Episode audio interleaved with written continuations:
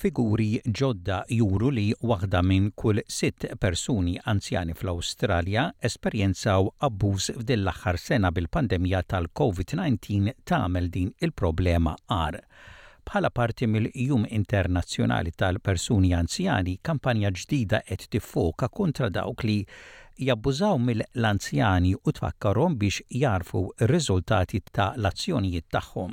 Il-kampanja tal-Kummissjoni tad-Drittijiet Umani fl-Awstralja turi kif l-abbuż ta' l-anzjani jista' jkun taħt forom differenti minn abbuż fiżiku għal abbandun tal-bżonnijiet tal-persuni anzjani, Din hija parti mill-kampanja. He's always asking me to do things. Drive him to the shop, take him to the doctor, but I'm busy with my own life and I don't have time for all his stuff too. You know, I've been under a lot of pressure. Work's been flat out, the kids are always at me, and I haven't had a holiday in ages. Then we go around there and all she does is complain. So yeah, sometimes it gets to me and I, I just lash out. Din hija skuża komuni ta' dawk li jabbużaw mill-anzjani imma għal dawk l-anzjani li jgħaddu minn din l-esperjenza hemm sens li ma jafux x'ser jaqbdu jagħmlu.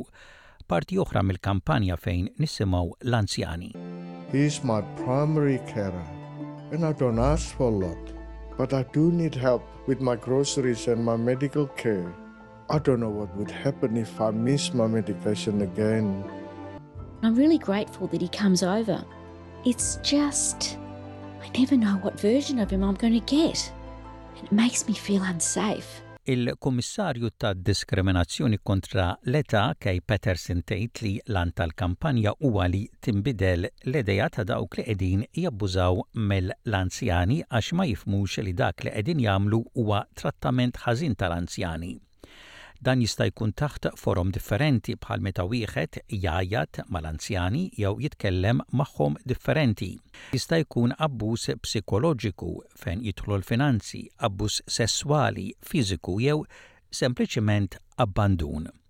Huwa li persuna anzjana ma tkunx ittrattata b'rispett kif jixraq. A lot of people don't understand what they're doing is really seen as elder abuse. So it's about just alerting them to think about how they're treating older people. It can take many forms, but it's a way in which an older a person, because of their age, is treated differently, either spoken down to, yelled at, you know, oh, they think you're deaf, so they speak loudly at you, or psych- it can be psychological, it can be financial, it can be sexual, it can be physical, or just neglect. It's Not treating people, older people with respect. Dawk l-aktar fil-periklu huma dawk iżolati, fattur li kiber minħabba l-pandemija tal-COVID-19. L-Istitut Awstraljan tal-Istudji tal-Familja sab li waħda minn kull sitt persuni fl-Awstralja għaddew minn xi forma ta' abbuż f'dawn l-aħħar tnax-il xahar. Imma Kay Patterson tgħid li terz biss minn dawn in-nies anzjani fittxew l-għajnuna. Iħossuhom imbarazzati li uliedhom qed jittrattawhom ħażin. Jibżgħu li xi għajnuna li qegħdin jingħataw tispiċċa. They feel embarrassed that why is my son or my daughter doing this to me?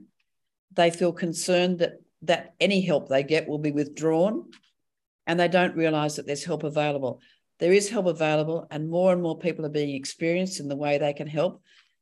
And older people don't want to go to court, but what they want is some way to be able to discuss this with the family, because mainly it's families who perpetrate the abuse, not always, and they want to be able to negotiate that. And we have some trials now being undertaken where the mediation can take place. Il-Kummissjoni ta' Drittijiet Umani tgħid li l-għarfien huwa importanti għal dawk il-komunitajiet minn sfond kulturali u lingwistiku divers.